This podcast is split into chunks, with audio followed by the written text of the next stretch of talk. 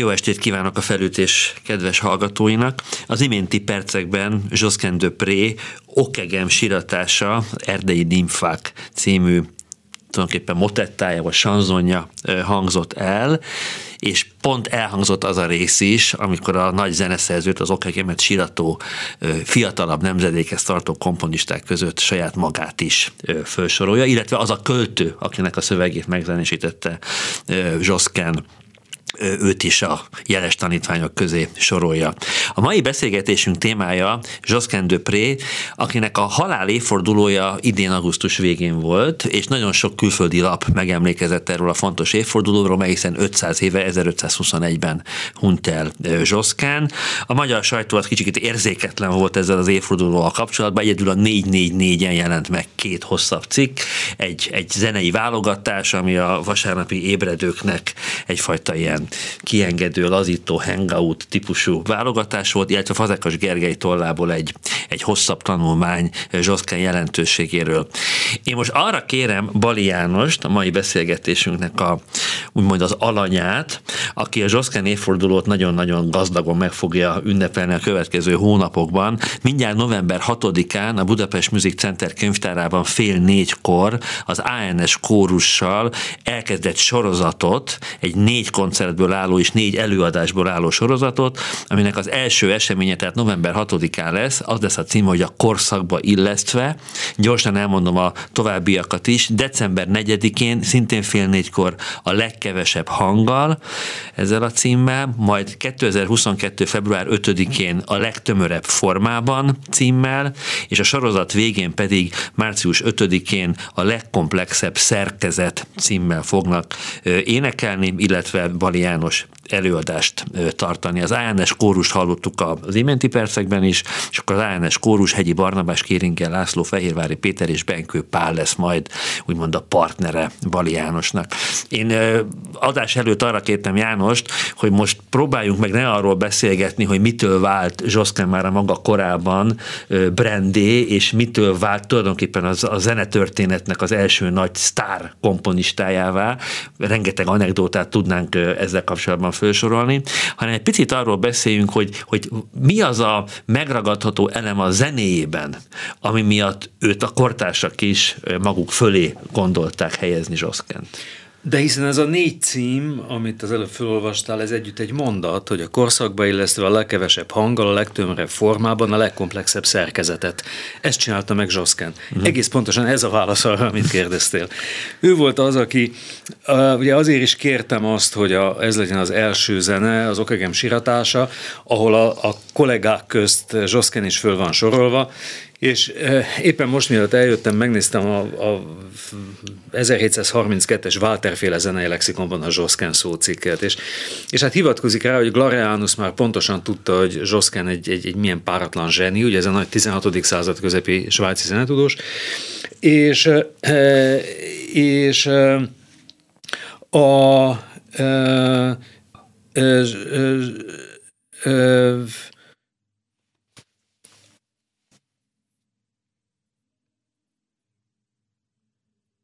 Útőisten, most valahogy elfelejtettem, amit akartam mondani, bocsánat. Ja, arra, hogy, hogy, arra volt, hogy, hogy, hogyan lehetne megfogalmazni a, a, azt az immanen zenei értéket, amit ő képviselt, hogy mi, és ami már életében és halála után is olyan evidenciaként volt kezelve. Most, igen, tehát hogy, hogy, hogy igazából Zsoszkánt a, a, a következő generáció zenetudósai azok, azok rögtön, rögtön a, a, a, a szárnyukra vették, és, és ez, hogy a hogy, hogy, hogy lényegében az egész, a, nagy zeneszerzőkre jellemző módon azt az egész környezetet, amiből, amiből ő jön, annak minden fontos kompozíciós módszerét, minden fontos elemét ő átvette. Ugyanezt látjuk Masónál, ugyanezt látjuk Bachnál, és mint, mint ez a két szerző, a Zsoszken is ezeket a dolgokat lényegesen magasabb szinten tudta művelni, mint, mint a többiek. És eh, hát ez a korszakba illesztve, ez az első, első koncert, illetve előadás, ez ebben foglalkozik, hogy hogyan, uh, hogyan jelenik meg mindaz, amit, uh, amit ő a, környezetből átvett. És most ott eszembe az, amit az előbb akartam mondani, de valahogy valami elvonta a figyelmet, és megszakadt a szalag, hogy, hogy Johannes Walter is Okagem tanítványaként apostrofálja Zsoszkánt, amiről ma azt gondoljuk, hogy ez valószínűleg nem volt igaz. Uh-huh. Lehet, hogy ők, ők személyesen esetleg találkoztak, de, de inkább az volt, hogy, hogy az Okegemnek egyébként abban a korban nem túl széles körben ismert műveiből jó néhány eljutott Zsoszkánhez, és hát mint jó szemű és tehetséges ember, hát nyilván az Okegem páratlan zseniét észrevette. Pontosan azt, hogy Okegemnél olyan súlya van a hangoknak, olyan, olyan módon nő ki szervesen a forma a hangokból, mint senki másnál. Ugye megkértett, hogy az anekdotákat hagyjuk, csak annyit, hogy ugye a, a, a Luther szerint a Zsoszkán Zsoszkán az egyetlen szerző, aki, aki tudott parancsolni a hangoknak. Én azt gondolom, hogy a Zsoszkán volt az a szerző, aki leginkább hallgatta a hangokat. Én Morton Feldman mondta, hogy ne mm. parancsolgassa a hangoknak. Hát ebben, az, ebben a szellemben tulajdonképpen Zsoszkán volt az, aki leginkább ezt megtette. Most ide tartozik a második előadásnak a témája a legkevesebb hanggal, hiszen, hiszen azt láthatjuk, hogy ugyanúgy, ahogy Kurták György eh, arra törekedett, hogy eh, a pálya kezdetén, hogy csak két hangot tudjon összekapcsolni, és, és ma is ugye a Kurtáknál az, hogy, hogy, hogy, a, hogy ez a nagyon kevés hang között milyen erőterek szövődnek, és, és milyen kapcsolatok, ugyanilyen módon Zsoszkennél is a kiszámú hangnak a, a, a kapcsolata, ahogy a pályán el, előre haladt, egyre inkább elhagyta azokat a modelleket, ahonnan jött, amiket átvett, és egyre kevesebb hangot írt le, és ezek a, ez, ez az egyre kevesebb hang, ez egyre inkább fölizzott. Ide tartozik ez a legtömörebb formában, hogy nem csak az történt a Zsoszken életműve során, hogy, hogy, hogy hogy, hogy ilyen módon a hangokhoz való viszony letisztult, hanem a formához való viszony is letisztult. Formailag az, hogy, hogy a Zsoszken műveiben a, a, az, az állandó imitáció megjelenik, ahol ilyen témaszerű, témaszerű fejekbe, kezdetekbe rendeződnek az anyagok, azt lehet mondani, mint hogyha a Zsoszken lenne igazából a fugának is az atya. Ebből a, az állandó imitációból, amit ő bevezetett, ebből, ebből fejlődik ki később a fugának a műfaja. Aztán az, hogy ezen keresztül, az állandó imitáción keresztül a szólamok szólamvezetési karaktere nagyon hasonul egymáshoz, és így alakul ki az a, az a típusú e, ilyen voce piena szerkesztés módja a 16. századnak, amelyik, e, amelyik ugye ez a, a, a nagyjából másfél oktávos hangterjedelmű szólamok, amik, amik, amik rettenetesen kiegyensúlyozottak. Ez is, ez is a zsoszkán. Aztán az egészet pont ez a kevés hangra és tömör formával a törekvés azt eredményezte, hogy hogy, hogy nagyon áttörtek lettek, nagyon áthalhatóak lettek nagyon a kompozíciók, nagyon transzparens lett, és ez egy újabb pont, amit a 16. század kiinduló pontnak vett.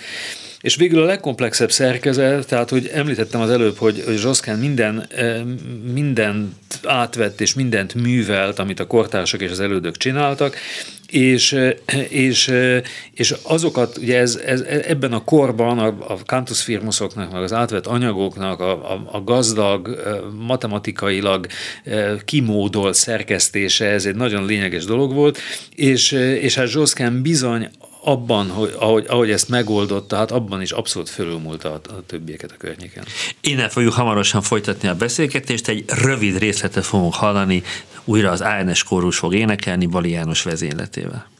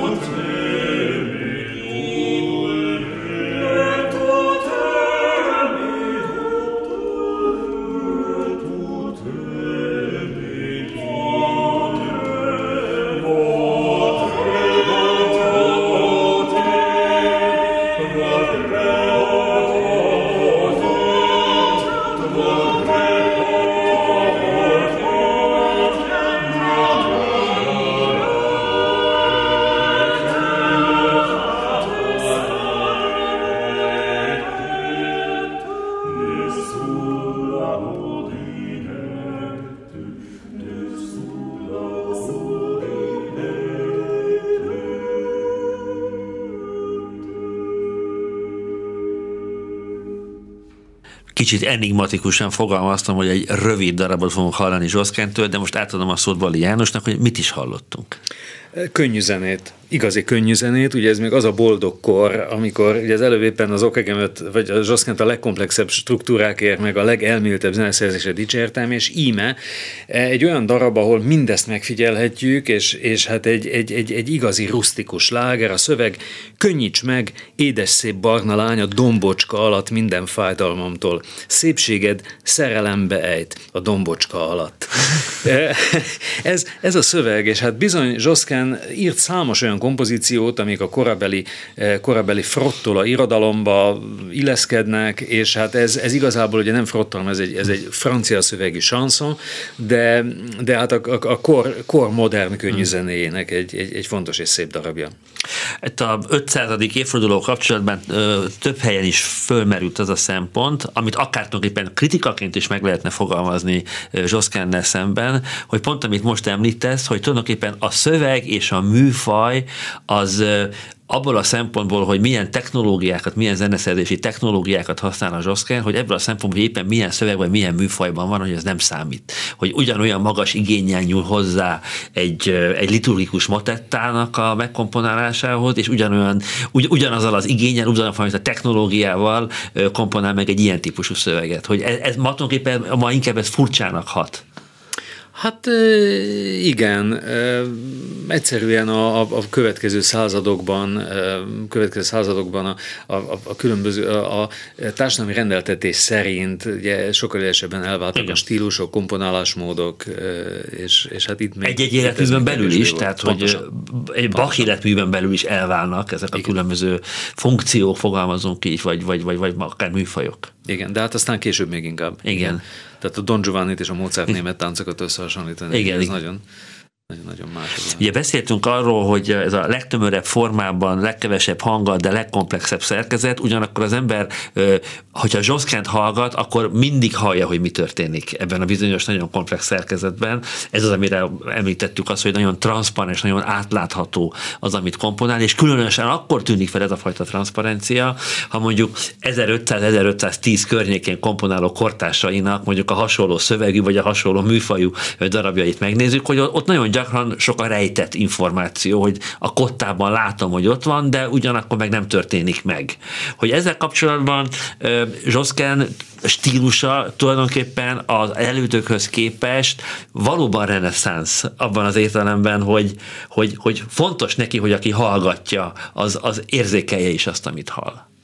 Hát, hogy mi is a zenében a reneszánsz, ez egy, ez egy, egy elég nehéz kérdés. kérdés. Azért, mert ugye a reneszánsz magát már a nevéből is, ugye vannak olyan korok, amik maguknak adnak nevet, és vannak olyan, amiket elneveznek. Hát a reneszánsz az magának adta a nevet, hogy az antikvitásnak a műveltsége és a, és a képzőművészeten miként született újjá a 15. században, a humanizmusban.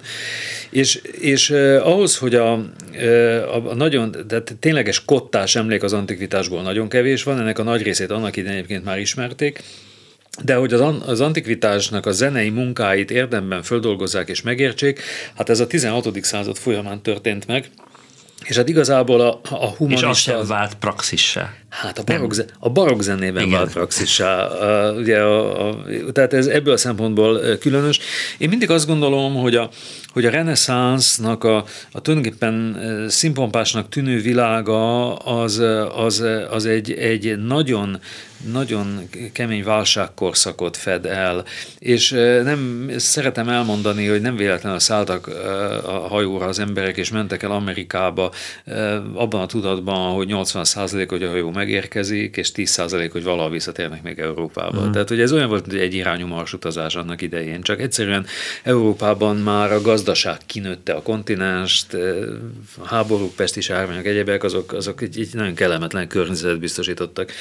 A, nagyon elgondolkoztató 16. század első negyedében egy, egy ilyen sanszon kötetnek az előszavában olvastam, hogy, hogy hát ezt azért adom nyomtába, mert hogy a közös éneklés az jó a melankólia ellen. Uh-huh. Tehát, hogyha ezzel kellett reklámozni, hogy a melankólia ellen, akkor nyilván volt melankólia.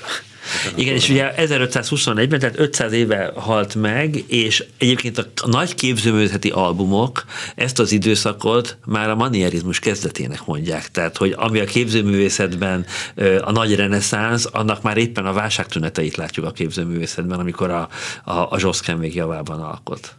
Hát igen, hogyha ugye hát a, a manierizmus azt gyakran ugye Michelangelo-val uh-huh. látják ennek, ennek a, és hogyha, hogyha így veszük, akkor, akkor valóban. Hát érdekes egyébként, hogy, hogy, hogy valami most, most csak úgy mondtad, most derengett föl, de ennek most nem néztem utána, mintha a mintha a Cosimo Bartolinál lenne pont egy Michelangelo Zsoszkán párhuzam, valami, valami uh-huh. emlékem van. Igen. Azt szerintem ül, igen, de most, de most mondom, hogy nem vagyok biztos, tehát ennek ez most csak valahonnan a tudatom mélyéből előkerült ez az információ. Igen, tehát hogy, hogy, hogy, hogy mi az a zenében a reneszánsz, az egy, az, egy, az egy nehéz kérdés. Lehet, lehet valami fajta ilyen párhuzamot vonni, hogy akkor ez a, ez a perspektívának, ez a letisztult képe, hogy, hogy, hogy, hogy, hogy valami ilyesmi megjelenik a, a, a, a. Nem tudom nem tudom. Hát meg talán az, az a fajta magától értődő egyensúly, ami egy-egy árad, nem? Talán, hogy, hogy abban is eltér szerintem a kortársaitól. Ezt nem gondolom. Tehát, uh-huh. hogy, hogy, hogy igazából ez a, ez a típusú harmonikus egyensúly, ez még abszolút a, annak a, a, a számokban gondolkozó késő-középkori zeneszerzésnek a maradéka a Zsaszkennél. Pont, hogy, pont, hogy a, a kötött formákból a szabad felé való elmozdulás, ugye ez, amit hallottunk, ez is lényegében a korábbiakhoz képest, a formfixhez képest egy szabad formai sanszon volt, és az, hogy a Zsoszken életművében a, a motetták hangsúlyosan jelennek meg, amely, amelyek sokkal kevesebb formai megkötöttséget adnak, mint a misék. Tehát, hogy, hogy persze hát a Zsoszkennek a zsenie az, az apolói módon nagyon átlátható, világos formákat hoznak létre, még az olyan motetta szövegekből is, amelyek egyébként önmagukban nem kínálnának ilyen megoldásokat. Nagyon érdekes, hogyha az ember a, a 1500-es évek utolsó harmadának az elméleti irodalmát, és mondjuk a, a, a Cárlinó féle elméleti irodalmat nézi, akkor ugye a Zsoszken az nagyon gyakran hivatkozási alap és a későbbi nagy nemzedék, a palesztina stílus, az tulajdonképpen egy az egybe levezethető a, a, a Zsoszkenből. Ugyanakkor, hogy az ember nézi, én különösebben a motettákat szoktam ebből a szempontból nézni, hogy, hogy persze, ott vannak azok a szabályok, ami, ott vannak azok az elemek, amiből kodifikálni lehet ennek a stílusnak a szabályait, de hogy Zsoszkán rendkívül rugalmasan bánik ezekkel a szabályokkal. Tehát rajta lehet érezni, hogy ő, ő nincs tudatában azoknak a szabályoknak, amit az ő stílusából vonnak le. És hogy nagyon, például a dallamai azok hihetetlen nagy ugrásokra, hihetetlen nagy kanyarokra képesek néha, ami azért nem jellemző a, a, a kortársaira. Hát azt, hogy, hogy, hogy van kodifikáció, szofisztikált stílus, amihez alkalmazkodni kell, hát ezt igazából akkor, amikor a, a, a palesztrina stílus az, az, az valamilyen módon az elszerzés tanulóknak a tananyagává mm. vált, és mércévé ez, innen, ez, ez, innen, ez, ez, ez innentől kezdődik. Tehát a Zsoszkán, Zsoszkán írta a saját kompozícióit, és a Zsoszkánra való hivatkozás egyébként nem csak abban nyilvánult meg, hogy a Zsoszkán neve alatt nagyon sok hamisítványt adtak uh-huh. ki. Ugye a, a, a közel 400 darabból, ami, ami összesen Zsoszkán neve alatt itt ott előkerült, ma, ma kb. 100 darabról biztos csak az tudomány, hogy tényleg Zsoszkán, és, és van, még, van, van még, még jó száz, amit, amit azért nem mernek kirakni, de hát az életmű az, az, az erősen megcsapant az utóbbi évtizedek zenetudomány kutatásai nyomán. Egyébként nagyon érdekes, hogy, hogy a, a számítógép tudomány is itt ilyen új, új eredményeket hozott, mert hogy a, a ilyen mesterséges intelligenciával elemzik, tehát van egy csomó egyetem, a Stanford Egyetemen van például egy ilyen Zsoszkán kutatási projekt, ahol a, a, a műveknek a szintaxisát uh-huh. ilyen mesterséges intelligenciával elemzik, és, és eléggé egybevág azokkal, amiket egyébként is zenetudósok megállapítanak. Tehát a gyanú, mit. tehát a, a természetes Viszont, zenei gyanú, és, az, a és az, az eléggé uh-huh. Viszont az, a, az az érdekes, hogy nagyon sok anonim kompozíció bekerül a Zsoszkán uh-huh. kánonba, amit, amit szóval nagyon nagyon sok reneszánsz anonim kompozíció. Na most nem csak a bár, művel... Innen fogjuk folytatni a beszélgetésünket. Egy rövid kis szünet után következzék majd egy kírietétel, az ANS kórus énekel Bali János vezényletével, Missa Malörme Bá a címe. Felütés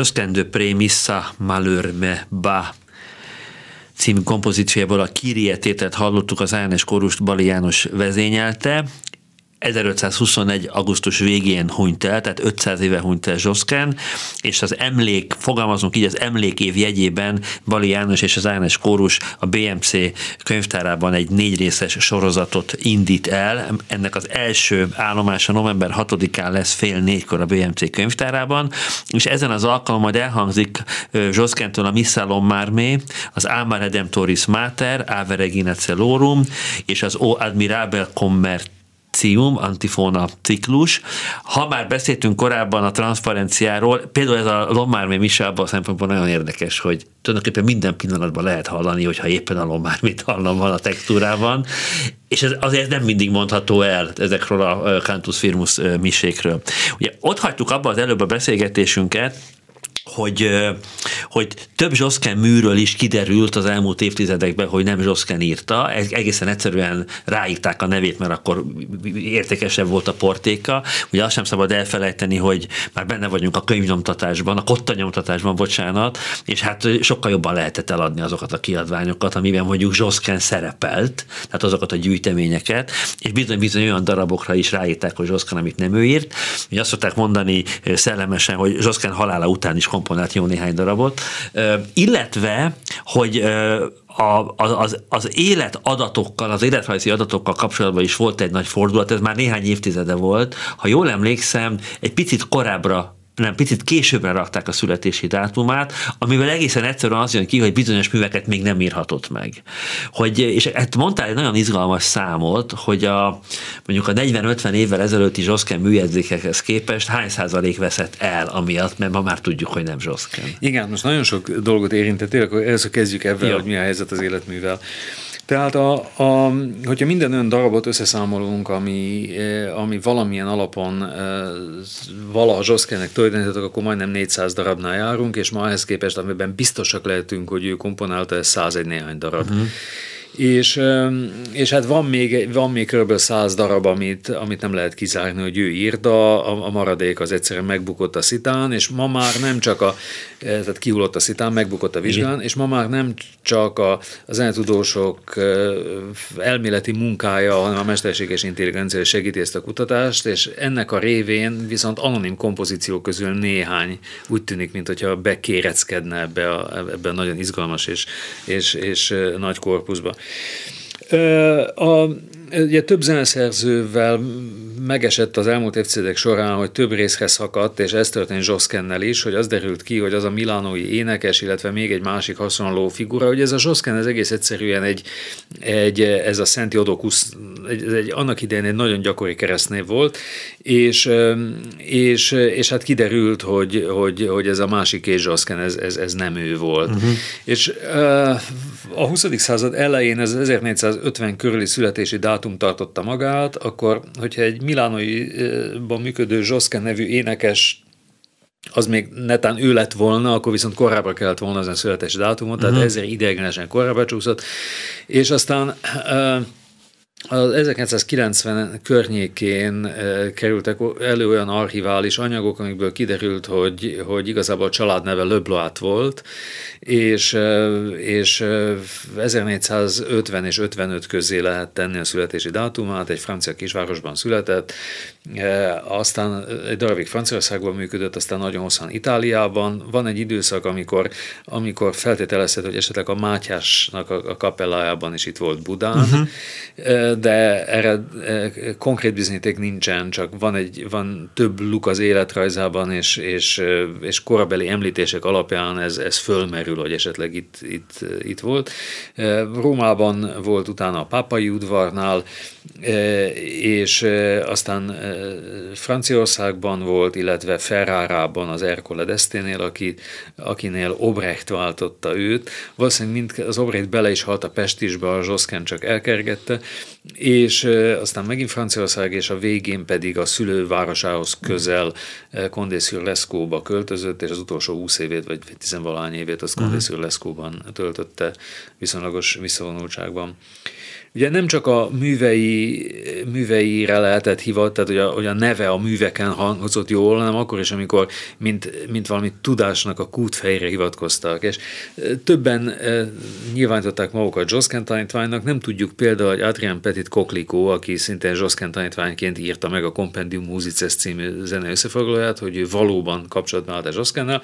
Minden ő azt írja, hogy Josken azt tanította, hogy egy énekesnek vagy egy zeneszerzőnek először jól kell improvizálni, és ha már tökéletesen improvizál, akkor tud csak komponálni. Egyébként valóban a, a, az, az is az utóbbi évtizedek eredménye, hogy az derült ki, hogy ezeket a reneszánsz darabokat a komponista sosem látta egyben partitúrában. Tehát uh-huh. a mhm. Palestrina se látta egyben partitúrában. Kis részeket összeírtak, de ott is csak a váz hangokat, és magát az egész díszített végleges szövetet, azt egyszerűen ebből a kis összeírt részekből másoltak át a szólamkönyvbe, a palatáblát letöröltek, mentek odébb, és, és, és, és így komponáltak, és valószínűleg az a gyakorlat, ami, amit az improvizáció során összeszedtek, hogy hogyan kell folyékonyan művelni mindezt, hát ez, ez, ez, ez, ez, ez, ez abszolút fontos volt. És ugye itt most az életrajzot és nem tudom, egyebeket összevettünk, és akkor, és akkor zárszóként ehhez a témához, hogy, hogy Zsoszkenen jó látni, hogy, hogy csomó udvarnál énekesként alkalmazásban állt, és már nagy nevet szerzett magának, amikor 30 éves kora körül az első datálható kompozíciói megjelennek. Tehát, tehát hihető ez a mhm. koklikó által adott információ, hogy, hogy egyszerűen jól kitanulta az énekes improvizációt. Ugyanakkor azért az, az, az nem tipikus, nem, hogy valaki bekerül úgymond ebbe az iparágba, lehet, hogy ő egészen fiú szopránként, tehát hogy már egészen fiatal korában, gyerekkorában énekelt egy, egy, egy, egy skólában vagy egy kórusban, és akkor onnan szépen megy föl, tehát nagyon, nagyon sok életrajz alapján mondom azt, hogy ez volt a tipikus zenészpálya, hogy de az ugyanakkor nem tipikus, hogy valaki csak 30 éves korában jelentkezik komponistaként, hogy azért korábban szoktak, nem? Tehát emlékeim szerint már Palesztina a 20-as évei elején már inkább zeneszerző volt, meg, meg, meg, meg kórusvezető. Talán igen, talán uh-huh. igen.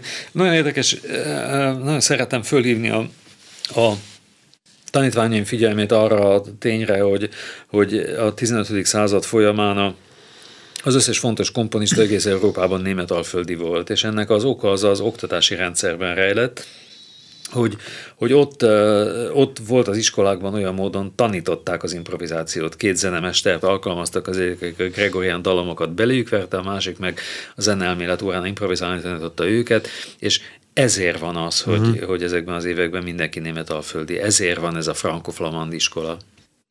És hogyha ez nekem számomra egy rendkívül fascináló információ, ez az improvizáció, hogy elképzelhető az, hogy ahogy előttünk vannak ezek a művek leírva, hogy, hogy ezek lehet, hogy nem is így hangoztak el, hanem sokkal több szabadsággal, vagy más hangok voltak benne? Ezt nem hiszem. Uh-huh. Tehát, hogy, hogy ugye maga a menzurális kottaírás, amikor az énekes az, az, az csak a saját szólamat látja, ütemvonalak nélkül, és, és ugye a 17. században a Leibniz azt mondja, hogy a, hogy a zene az a lélek öntudatlan számolása, hát meg, de még nagyon élhetett az a gyakorlat, hogyha egy ilyen kottát olvasunk, akkor ott, ott, ott, ott nem, nem sok mit van gondolkozni, mert egyszerűen számolni kell, és, uh-huh. és, és menni és csinálni. Tehát, tehát ezt, ezt nem hiszem. Valamelyes díszítéseket beletehettek, és ezt, és ezt tanították is, hogy a díszítéseket hogyan kell, de, de hát azon túl, ugye amiatt, hogy a többi szólamot igazából nem látja, és hát nem lehet szimultáni uh-huh. tájékozódni benne, hogy azt a felelősséget bevállalni, hogy a kulcshangokon bármit uh-huh. változtatni, hát az, az, az, az, az pillanat alatt szétveri az egészet. Az biztos, hogy benne nem lehet. Azt ígértem, hogy nem fogunk nagyon anekdotákról beszélni, de azért, azért egy anekdotát mégiscsak most beszéljünk meg. Ha már a, a Ferrari Este herceget említetted, Herkulest, vagy Erkolét, hogy az a bizonyos ö, ö, dilemma, hogy akkor én most kit alkalmazzak, hogy a kórusom égköve az ki legyen, és akkor javasolják neki, hogy hát legyen a Henrik Iszák, mert olcsóbb, de ugyanolyan jól megcsinálja, a Zsoszken az nagyon sokat kér, ráadásul rátarti, és akkor van egy ilyen furcsa mondat, hogy és ráadásul csak akkor komponál, amikor kedve van. Most én, én, én, én gyanakszom erre a mondatra, hogy, hogy azért szerintem ott még nem tartunk, hogy egy zeneszerző 1500 10-ben, vagy, vagy, vagy 1495-ben azt mondja, hogy nekem most nincs kedvem írni egy motettát. Én azt gondolom, hogy igen. Igen? Tehát, hogy, Van ilyen? Hogy igen. A, a, a, megnézzük a korszak nagy szerzőit, akkor azok, akik, akik udvari emberek voltak, ők, ők, ők, nekik az a tény, hogy udvari emberek voltak, az társadalmilag egy, egy, egy magasabb rétéket van volt, mint hogy ők zeneszerzők. Hmm. Tehát, hogy az, az meglátszik a fizetésekben, meg egyebek. És, és mondom, az, az énekesek az, hogy az énekesek az, az előadott zene nagy részét improvizálták, de, de ez mindig, ezeket az improvizációkat mindig valami fix alapdallamhoz képest kell elképzelni. Tehát, hogy a liturgikus gyakorlatban a, a Gregorián dallam köré énekelték, ugye ezt supra librum éneklésnek is hívják, majd le van téve a könyv, és, és nem azt énekeljük, hanem eléneklünk fölötte, ugye, vagy diszkantálásnak nevezik, ugye ez a, uh-huh. ez a disz, ez a, ez a szétének. Szét. Tehát a kantusz az az, ami le van fektetve a könyvben, és a diszkantusz az, ami ezzel, ezzel, ezzel ellentétben odafönt szól. Tehát ez a, egészen a 18. századig az énekeseknek ez volt az alapvető tudása, és, és tulajdonképpen az ének tanulás az nem abból állt, hogy hangképzés volt, hanem, uh-huh. hanem egyszer megtanulták a hangközöket, megtanulták a formulákat, amivel improvizálnak, és, és, és egyebek.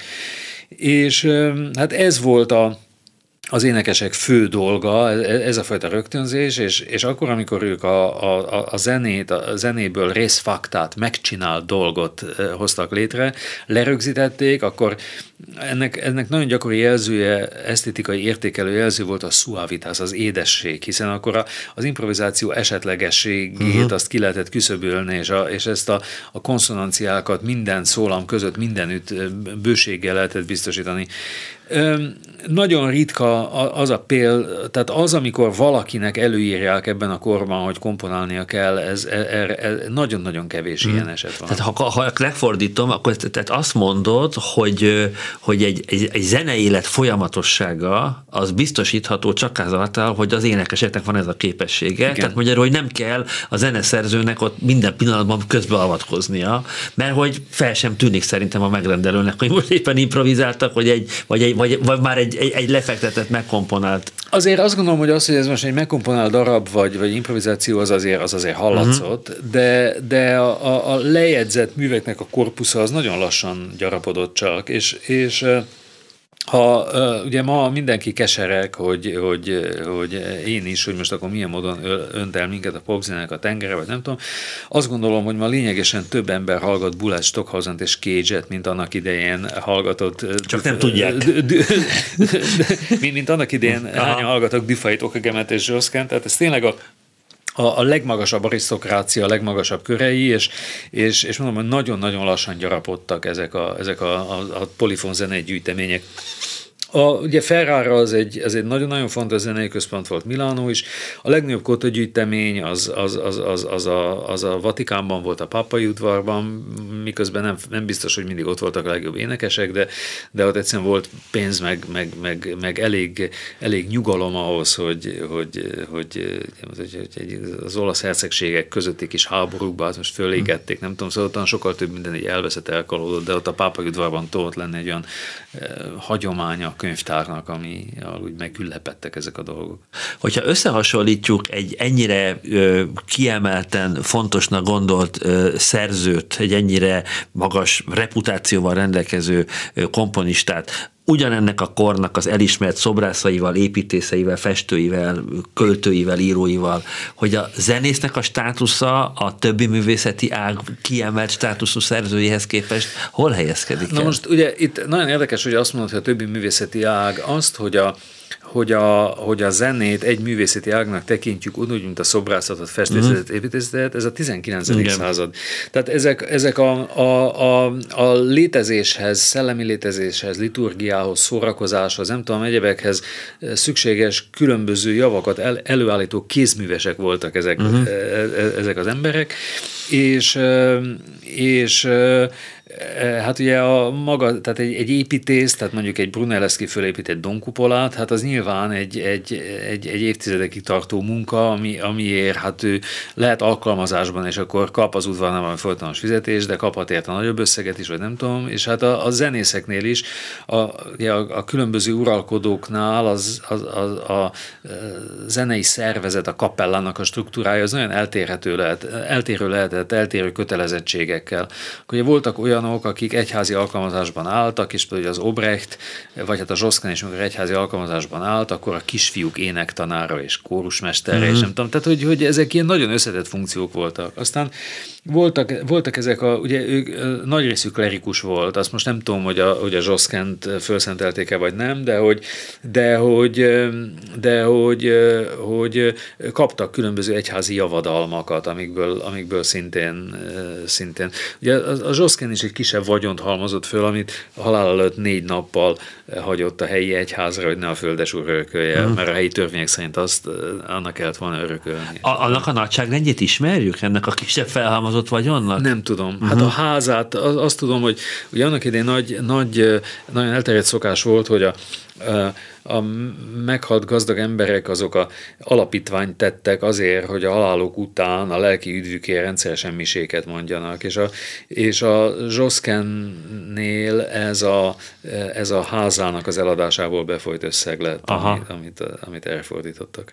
Mondtad, hogy a, majd az utoljára beszélgetésünk után elhangzó zeneműről egy kicsikét beszéljünk, illetve hogy szeretnél róla valamit mondani ez a bizonyos út főbi, rádísz? Vagy? Bizony, igen. A, ennek a kornak a zenei gondolkodásában nem csak, a, nem csak maguk a darabok, hanem, a, hanem az egész zeneszerzés technika, mint olyan, az egy óriási zenei truváj volt. A, a, a menzurális kottolvasásnak a számarányai, a hexakord rendszer egyebek. Na most itt az, az utremi faszol lá, ez a hexakordnak a hat hangja, és a darab úgy van megcsinálva, hogy a, hogy a tartószólamok, a tenor, illetve ennek egy lekop, lekopírozott kontratenorja, ez két hexakordban éneklő, hogy út, mire a másik is út. Akkor Igen. utré, utré, ilyen kánonban éneklik ezt a kettőt, és a felső szólamokban is minden egyes frázis ezekkel a szolmizációs szótagokkal kezdik valami hexakordban. És az énekesek kimondják ezeket a szavakat, aztán folytatják a szöveget máshogy más hangokon, és egy elképesztő nyelvi bravúrként áll össze, hogy a sorok elején is ut főbi radius sorovia sidera luna, ut rege Salomon sapientis, ut re mi pontum, ut re mi faber, ut re mi fa solvaces, és, Aha, igen, igen, igen. és akkor kialakul egy olyan szöveg, ami értelmes, amint főbusz sugarait visszaverő nővére a hold a csillagokon, amint Salomon a maga bölcse nevével az összes királyokon, amint az aranygyapjút keresőinek evezője a Fekete-tengeren, amint az evezőgyanán tollakkal bíró kézműves Dédalusz a levegő fölött, amint illő, hogy az evező szállítsa a romlandó árukat, amint illő, hogy az evező Péter egyetlen hajóját futtassa, úgy oralkodoló Szűz Mária minden fölött, ami létezik. Uh-huh. És a másik fele meg lefelé jön, és ugyanegy értelmes szöveg, ez meg a, az meg a Jézusra fut ki. Tehát hogy a Zsoszkennek ez a, ez a egyrészt hihetetlen egyszerű, hihetetlen egyszerű ötletből építkező, másrészt ezt hihetetlen profi módon megoldó komplexitása, ez a nyelvet is így magába foglalja. Akkor el lehet mondani, hogy akkor például ezt a tételt, hogyha valamikor el fogjátok énekelni ebben az előadás sorozatban, akkor ez az utolsó lesz a, a legkomplexebb hát szerkezet. Persze, hát itt van benne. Aha. Ez a legkomplexebb szerkezetet az utó. Ez, ez, ez, ez, ez úgymond hát, a sorozatnak is az egyik. Ez, a, ez, ez az egyik, ami, ami, hmm. ami a, a különösen komplex szerkezetről szól. Hát nagyon szépen köszönöm, hogy tudtunk egy picit beszélgetni egy olyan dologról, aminek szeptember elején lett volna igazán ideje, tehát tényleg akkor volt a halál évfordulója. Zsoszken 500 éve 1521-ben hunyt el. A BMC könyvtárban Bali János és az ANS kórus egy négy részes sorozatot fog Zsoszken művészetének szentelni. Ennek az első estjére, vagy első délutánjára november 6-án fél négykor kerül majd sor, és még egy koncertet hagy ajánljak az önök figyelmébe, Október 24-én 5 órakor a Kiszteli Múzeumban, a Hanga Határtalanban címmel, Darkroom, Sötét Kamra, több mai kortás kompozíció hangzik el, többek között Bali Jánostól is elhangzik majd egy mű. Ez egy elektroakusztikus kompozíció lesz? Igen, ez egy, ez egy olyan darab, ahol Igazából ilyen, ilyen akusztikus görbetükröket csináltam, tehát van, van négy mikrofon és négy hangszóró, és a mikrofonok azok, azok bizonyos 10 perces darab során egyes intervallumokban fölvesznek a játékos által játszott anyagokat, és ezeket, ezeket ilyen finoman meghullámoztatva oda-vissza, nem tudom, különböző pontokba visszajátszák, és ebbe az a szép, hogy, hogy hát maga, ez maga a darab. Tehát itt nem, nem, nem a hangok, hanem ez a mhm. tükörrendszer. Ennek a gyakorlása az az, hogy a játékos és ki ismeri, hogy Egy furiás. Most egy furiás fogja játszani, uh-huh. és mivel a Kis Cél Múzeum barokk szoborcsarnokában lesz, én azt kértem, hogy barokkszonáta részletekkel lakja be ezt a teret, de ennek a gyakorlása az arról szól, hogy ő megtanulja ezt az egészet, hogy hol vannak a tükrök, ki ismeri, hogy hogy működik. Tehát ez egy, ez egy ilyen... Akkor ennyiben tulajdonképpen rosszul mondtam, hogy ez egy teljesen analóg kompozíció lesz, ebben nem lesz elektronika. Vagy lesz De valami? hát, hát, ezt, ezt, a, ezt a tükrözést, ezt elektronika Ja, ez csinálja. elektronika egy- csinálja. Három évig programoztam, igen. Tehát akkor ez október 24-én, tehát most vasárnap ö, 5 órakor a Kiszteli Múzeumban lesz. Nagyon szépen köszönöm még egyszer, hogy elfogadtad a meghívásunkat. A mai műsor elkészítésében Budai Márton volt a segítségünkre, a műsor szerkesztője SS Kinga volt, és akkor most jöjjön ez az egészen furcsa, furcsa komplexitású Zsoszken kompozíció, út Főbi Rádiis, az ANS Chorus Bari János vezényli.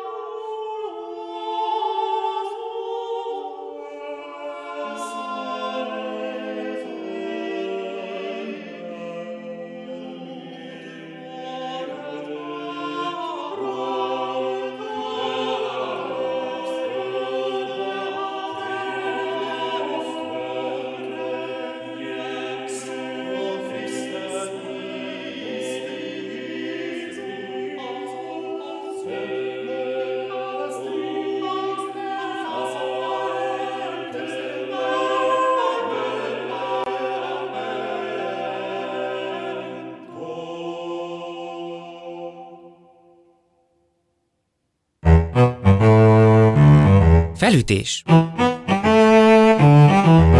Remek művek és alkotóik a klasszikusok vonzásában. Molnár Szabolcs műsorát hallották.